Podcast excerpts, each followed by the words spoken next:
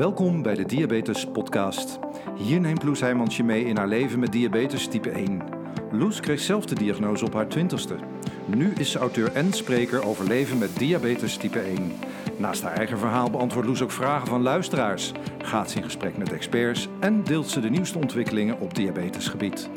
Hier is jouw inspiratieshot voor deze week. Dit is de Diabetes Podcast. Welkom bij aflevering 34 van de Diabetes Podcast. Wauw, 34 en even iets leuks om te delen. Uh, we zijn dus gewoon de 10.000 streams voorbij. En zelfs hard op weg naar de 11.000. Echt zo tof. Dank jullie wel voor, uh, voor het trouwe luisteren. Ik zie zulke leuke berichtjes ook uh, iedere week voorbij komen. Echt heel gaaf. Wie had dit nou gedacht toen ik in uh, mei 2020, tien maanden geleden, de eerste aflevering online zette? Nou, ik niet in ieder geval. Maar we gaan natuurlijk wel vrolijk door. Um, op naar nummer 50, weer zo'n nieuwe mijlpalen. Ik hou er altijd van om, uh, om doelen te stellen en uh, om ergens naartoe te werken. Dus, um, dus dat. Nou ja, goed. Um, na aflevering 1, uh, inmiddels dus 33 afleveringen verder, super veel mooie gesprekken verder. Uh, ook alweer heel veel gave interviews die, uh, die op de planning staan, dus die komen eraan. Maar vandaag, um, ja, weer even een aflevering, een solo aflevering. Um, en ik, um, ja, werd op dit gebracht eigenlijk door een, uh, een mailtje dat ik uh, van mijn ouders kreeg deze week. En um, dat was uh, een vraag die ik ze gesteld om een brief te schrijven, of in ieder geval een stukje te schrijven over mijn diabetes. En het is een. Um, Iets wat we doen met Diabetes Plus, waar we heel veel ervaringsverhalen delen. Zowel van mensen met, die zelf type 1 hebben, maar ook van ouders die een kind hebben met type 1. Of partners die samenleven met iemand met type 1. Omdat ja, het is gewoon super belangrijk dat die verhalen ook gehoord worden. En uh, sowieso heeft iedereen uh, met type 1 natuurlijk zijn eigen verhaal. Maar die ouders hebben ook een verhaal. En die partner die heeft ook een verhaal. En ook daarin um, ja, is het gewoon heel waardevol om dat te delen. En om die herkenbaarheid dan bij anderen te vinden. En um, nou goed, in, uh, in vanuit die optiek uh, had ik mijn ouders dus gevraagd van... Goh, zouden jullie iets op papier kunnen zetten over mijn diabetes? Hoe jullie dat hebben beleefd, hoe dat is voor jullie. Um, nou, en die brief kreeg ik, uh, kreeg ik dus gisteren binnen. En um, ja, dat, dat bracht me bij een, bij een paar vragen. En uh, nou ja, ik dacht, ik kan dit nu voor mezelf gaan bedenken. Ik kan er ook een podcast over opnemen, omdat ik altijd hoop dat ik jou ook een beetje aan het denken zet met, uh, met de podcast. En um, ja, wellicht heb je er iets aan. Want wat ik me eigenlijk afvroeg, ik was um, ehm, 20 jaar toen ik de diagnose kreeg. Nou, midden in mijn studententijd, uh, een week na de diagnose, ging ik weer terug uh, naar mijn kamertje in Maastricht. En um, ik weet nog dat ik uh, vooral die eerste jaren dus heel vaak riep tegen Remco... nou, ik was veel leuker voordat ik diabetes had. En um, toen vroeg ik me opeens af, wie, wie was ik toen eigenlijk? Um, voordat ik de diagnose kreeg. En um, wat heeft de diagnose met me gedaan? En wie ben ik nu? En ja, daar was ik dus even over na aan denken. Wie was ik? Wie was de Loes voor de diagnose? En nou, ik was iemand die altijd vol energie zat. Dat sowieso. Vol met plannen ook, vastberaden. Uh, als ik iets in mijn hoofd had, dan gebeurde het ook. Um, uh, niet op een drammerige manier, maar op een manier van, nou, ik wil gewoon heel graag mijn doel behalen. Um, dat was bijvoorbeeld zo met, um, met de toelating voor de hotelschool. Ik wist al uh, ik denk toen ik op 4 VWO zat of zo, dat ik, dat ik echt toen al uh, wist van, nou, ik wil de hotelschool doen. Nou, met het VWO was het natuurlijk ook heel erg logisch geweest als ik een universitaire opleiding uh, was gaan doen. Maar dit was gewoon wat ik wilde. Dit was wat me heel tof leek. En ja, dat was HBO. Maar het was wel het tofste wat ik kon doen. Alleen, daar moest je dan weer wel toelating voor doen. Er waren toen drie hotelscholen: Maastricht, Leeuwarden en Den Haag. Eh, in Den Haag en Maastricht gaan kijken. Maar Maastricht zou het moeten worden. Ja, en daar moest je dan toelating voor doen en hopen dat, uh, dat er een plekje voor je was uh, dat eerste jaar. En ehm, ja, dat, dat was gelukkig zo. Maar ik, ik weet ook nog, ehm, als je het hebt over, over doelen behalen. Um, en daar op de een of andere manier moest ik daar de laatste tijd heel vaak aan terugdenken. Ik weet dat, volgens mij was dat ook in de vierde, dat we met de klas een een, een, meededen aan een vaste actie. Dus ieder jaar was er een grote vaste actie op school. En we zamelden dan geld in. En iedereen deed het op zijn uh, of haar manier. Maar het was een beetje het, um, de tendens de, jaren daarvoor dat uh, vier uh, gymnasium, de klas waar ik in zat, die mochten dan een lessenmarathon doen is ook echt iets voor een gymnasiumklas natuurlijk. Om 24 uur achter elkaar les te willen hebben. Ehm, maar goed, uh, dat was eigenlijk al jaren dus het geval dat, dat, die, um, dat die klas dat mocht doen. Alleen uh, toen wij in de vierde zaten, toen begon uh, Vier Atheneum ook te zeggen: ja, maar wij willen dat ook. En terwijl wij ons als gymnasiumklas al een beetje rijk hadden gerekend van ja, dit stof, dit gaan wij dit jaar doen. En toen kwam die ateneemklas opeens uh, uh, om de hoek kijken van uh, ja, maar wij willen dat ook doen. En toen weet ik nog dat ik samen met een vriendin, um, wij moesten toen volgens mij als het ware een beetje gaan pitchen. Zo bij de, bij de vaste actieorganisatie van waarom onze klas dat dan nog doen. Want we konden niet twee klassen doen konden ook niet, uh, je kunt niet twee keer 24 leraren zo gek krijgen om, uh, om die, uh, die marathon mee te doen. En toen, toen heb ik samen met een vriendin, zijn wij dagenlang bij de lerarenkamer gaan staan in de pauze om, um, om al die leraren al te vragen van hé, hey, uh, wij willen de, de lesmarathon gaan doen. Uh, dit is ons schema, doe je mee? Welk uur wil je ons lesgeven? Enzovoort. We moeten wel nog even akkoord krijgen, maar als wij het mogen doen, zou je dan mee willen doen? En zo hadden we dus toen die daadwerkelijke pitch kwam, of, of de beslissing werd genomen welke klas het nou uh, mocht gaan doen, um, toen hadden wij ons hele programma dus al klaar. Dus toen hadden we gewoon echt van, uh, uh, van ochtends vroeg de hele dag en nacht door tot de volgende ochtend daarna hadden we alle leraren al geregeld. En, uh, en stond ons programma gewoon vast. En toen, um, nou, die ateneemklas had dat niet. En toen kon de organisatie natuurlijk vrij weinig anders meer doen dan te zeggen, nou dan, dan regel het maar. En um, hoe kom ik hier nou bij? Ja, als je het hebt over uh, wie was ik? Nou ja, dus echt heel doelgericht met een plan en daar dan alles voor in het werk uh, stellen om dat, ook, uh, om dat ook gedaan te krijgen. Dus ja, dat, dat, dat was ik. Uh, vrolijk, energiek, sportief. Um, hetzelfde gold trouwens voor toen ik naar, naar Valencia ging, stageplek. Um, nou, als je op de hotelschool zit, kun je op de, over de hele wereld stage lopen. Maar ik wilde heel graag naar Spanje, want ik wilde de Spaanse taal leren. En uh, er waren in Spanje vier steden waar je uh, dan stage kan lopen. En mijn oog was gevallen op Valencia en dan ook specifiek dat hotel waar die samenwerking mee was. Daar had ik me helemaal over ingelezen. Um, dat, dat, ja, dat sprak me zo aan. Uh, Valencia sprak me aan. Dat hotel. Nou ja, ik, dat moest het worden. Alleen, als je ging solliciteren voor die stageplekken, dan was eigenlijk gezegd: ja, je mag je niet heel specifiek uh, richten op één stad of één hotel, want je moet je wel breder oriënteren. En ze kunnen natuurlijk ook niet iedereen plaatsen als je zegt van nou, ik wil per se uh, op die plek daar zitten en er willen nog tien mensen dat. Nou, dan hebben ze een probleem. Dus je moest je breder oriënteren en um, uh, zodat, zodat het makkelijker is om iedereen op een gewenste plek uh, vanuit je top 3 zeg maar te kunnen plaatsen. Maar ik was hier ook weer zo vol op mijn doel afgegaan dat ik echt me compleet in had gelezen in dat hele Valencia-stuk. Dat ik zelfs op mijn flikker kreeg gewoon van de stagebegeleidster waar ik dat sollicitatiegesprek moest doen. Die echt, uh, ja, volgens mij zelfs tot huilens toe dat ik daar in dat kamertje op, op mijn donder kreeg, omdat ik me dus te specifiek had voorbereid. Um, maar goed, toen puntje bij paaltje kwam, mocht ik wel naar Valencia. Dus ja, als je het hebt over doelen behalen, dan is dat iets wat, wat er altijd wel, wel in heeft gezeten. En um, nu ik dat zo had op zeg, denk ik, ja, veranderde dat dan toen ik diabetes kreeg? Nee, ik denk dat het dat alleen maar aan heeft gewakkerd. Maar ik denk dat dat ook meteen de valkuil is geweest van die eerste jaren na de diagnose. Um, want ja, ik werd natuurlijk vanuit het ziekenhuis ook met een doel naar huis gestuurd.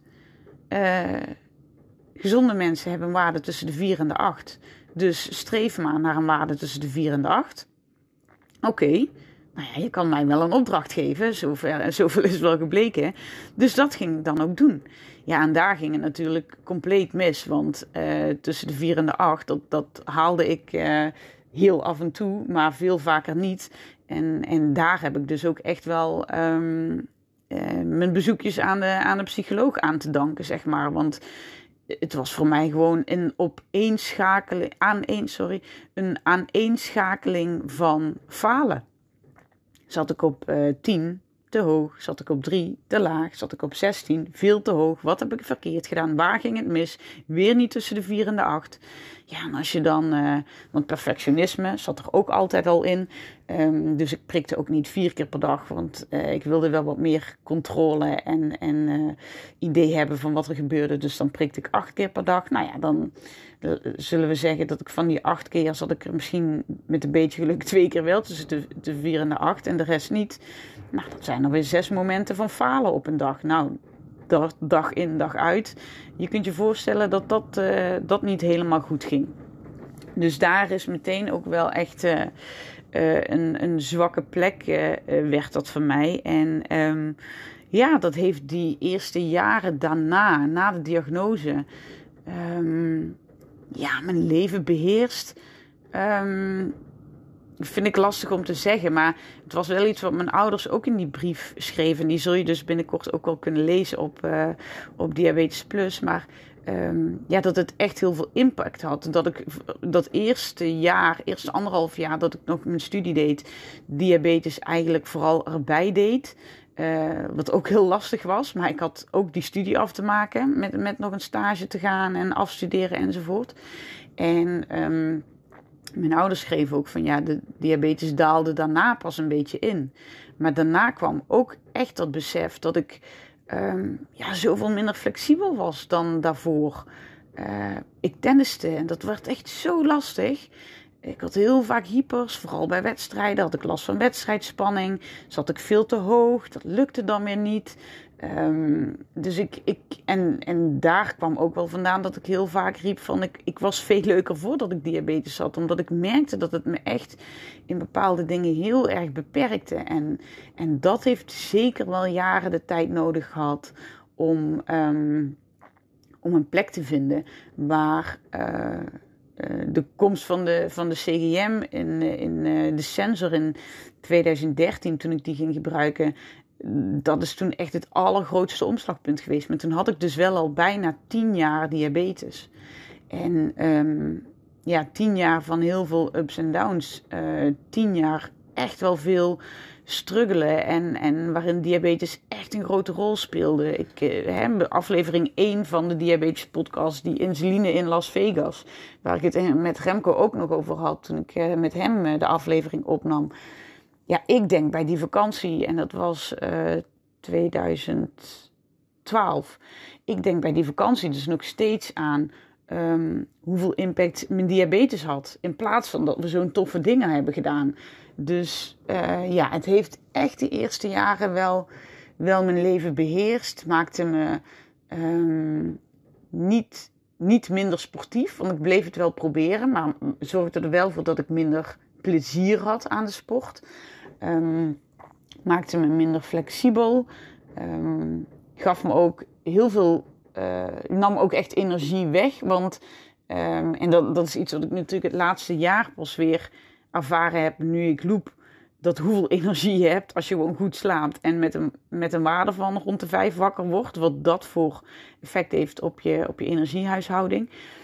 Dus het zijn wel echt dingen, um, ook wel dat ik me soms anders voelde. Ik ging natuurlijk ook werken. Uh, ja, wilde nooit voor iemand anders onderdoen. Terwijl dat gewoon wel aan de orde van de dag was. Als ik, als ik gewoon een, een hypo of een hyper had. Of later um, toen ik nu niet heel lang werkte, kreeg ik ook nog de schildklierafwijking daarbij. En daarna nog de ziekte van Pfeiffer. Dus ik heb die jaren echt wel wat dingen op mijn bordje gekregen die, um, die het lastig hebben gemaakt. Um, ja, en, en um, heeft dat mij als persoon veranderd? Mm, nou ja, het heeft vooral, denk ik, van me een, een nog grotere doorzetter gemaakt dan die ik al was. Hè? Als je dat verhaal hoort over die lessenmarathon, hè, dan met een doel voor ogen en doorzetten, dan denk ik dat, ik dat ik dat van tevoren ook al was. Maar diabetes heeft het wel echt aangewakkerd. Was ook met het opstarten van mijn eerste bedrijf, Fabulous Weddings. Ik zal potverdorie laten zien dat het wel kan. Dat ik een eigen bedrijf op kan zetten. Dat ik uh, um, ook flexibele werktijden aan kan. Ook werkdagen van 15 uur uh, zonder pauze. Wat bij bruiloften echt uh, gewoon normaal was. ik zal laten zien dat het kan. Die bewijsdrang, die, die is echt enorm opkomen zetten um, door diabetes.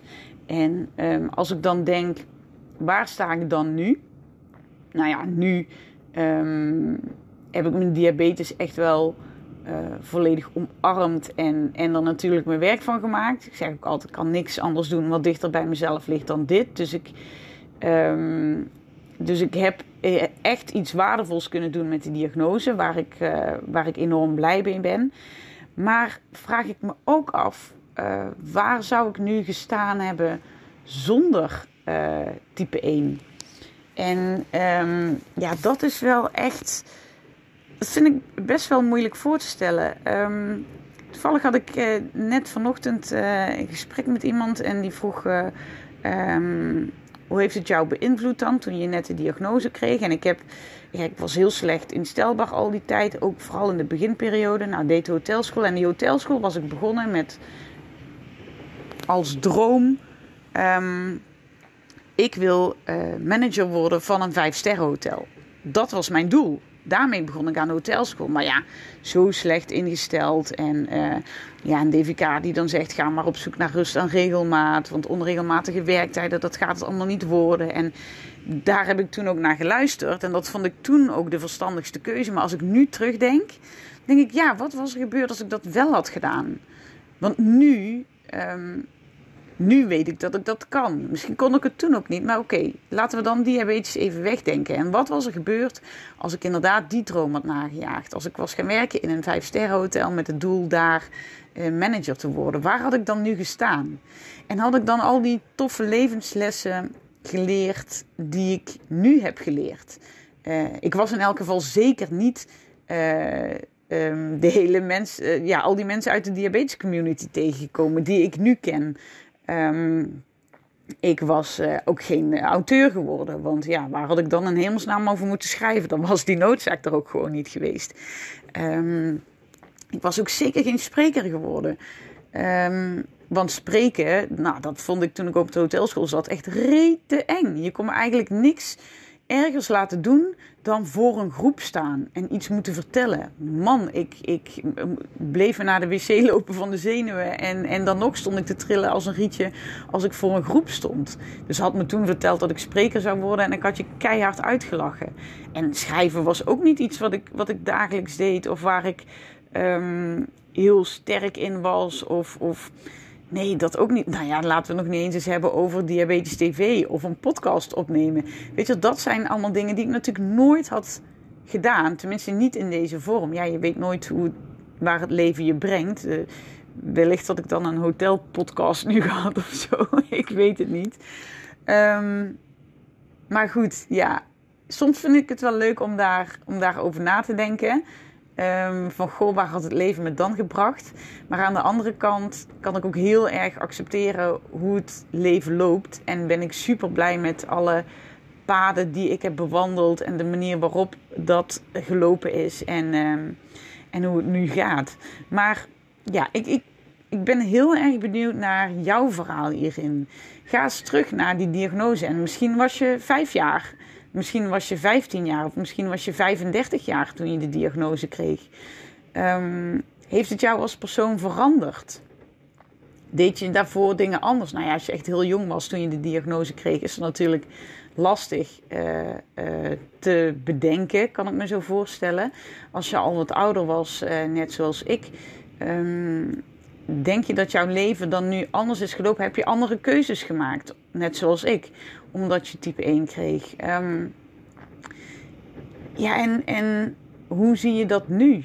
Uh, ben je blij met waar je nu staat? Of is er nog ruimte voor verandering of verbetering? En ook waar zou je hebben gestaan zonder die type 1? Uh, eh, zou dat je ergens anders hebben gebracht? Of, of sneller of langzamer op een, op een andere plek? Ja, ik, ik vind het persoonlijk echt super mooie vragen om, om, om eens een dagje over te mijmeren. Of tijdens een lange wandeling. Of uh, het met iemand over te hebben. En als je dat wilt delen, doe dat dan. Hè? Ik vind het super leuk om dat te horen. En uh, laat het gewoon even weten onder de Instagram post van, uh, van deze aflevering. Dan um, nou, misschien kunnen we andere mensen ook weer motiveren of inspireren om, uh, om daarover na te denken. Of misschien gewoon ook om een ander pad in te slaan. Waarvan je misschien tot vandaag nog niet gedacht had dat het mogelijk was. Nou ja, dit wilde ik naar aanleiding van de brief van mijn ouders met je delen. Nogmaals, die ga je binnenkort vinden op Diabetes Plus. Dus uh, um, volg ons daar ook vooral. En, en deel ook daar je verhaal.